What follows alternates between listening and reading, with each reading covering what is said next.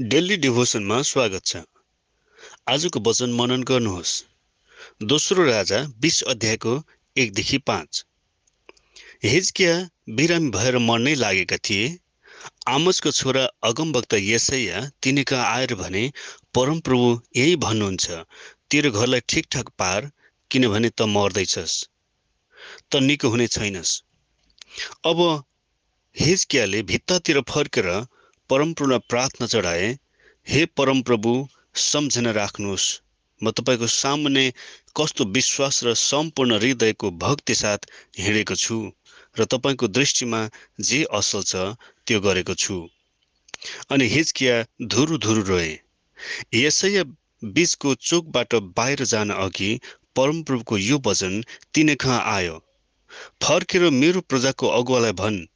तेरो पुर्खा दाउदका परमप्रभु परमेश्वर यसो भन्नुहुन्छ मैले तेरो प्रार्थना सुने र तेरो आँसु देखे। म तँलाई निको पार्नेछु। आजको तेस्रो दिन त परमप्रभुको मन्दिरमा जानेछस्।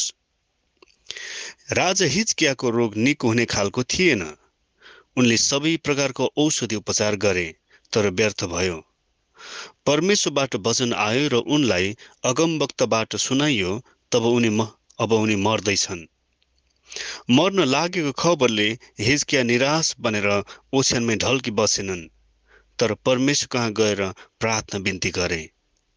उनले परमेश्वरमा त्यतिन्जेल कति भक्ति र विश्वासयोग्य भएर जिए भन्ने कुरा बताए।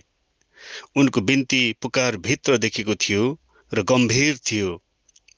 उनले बालकले चाहिँ धुरु धुरु रोएर आँसुसहित परमेश्वरमा पुकार गरे।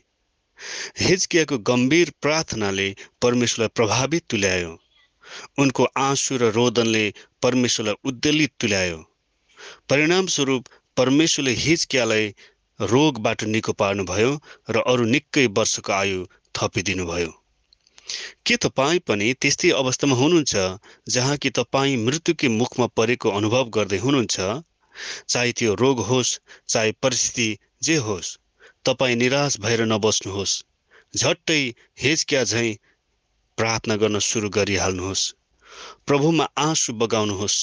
तपाईँको भित्री मन र हृदयबाट आएको गम्भीर प्रार्थनाले प्रभुलाई प्रभावित गर्नेछ। तपाईँको आँसु र रोदनलाई हाम्रो प्रभुले त्यत्तिकै सुक सुक्न दिनुहुने छैन।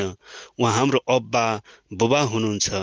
परमेश्वर बुबा हाम्रो प्रार्थना सुनेर तपाईँ निको पार्न तपाईँलाई अभावबाट माथि उठाउन शत्रुहरूबाट बचाउन तम तयार हुनुहुन्छ।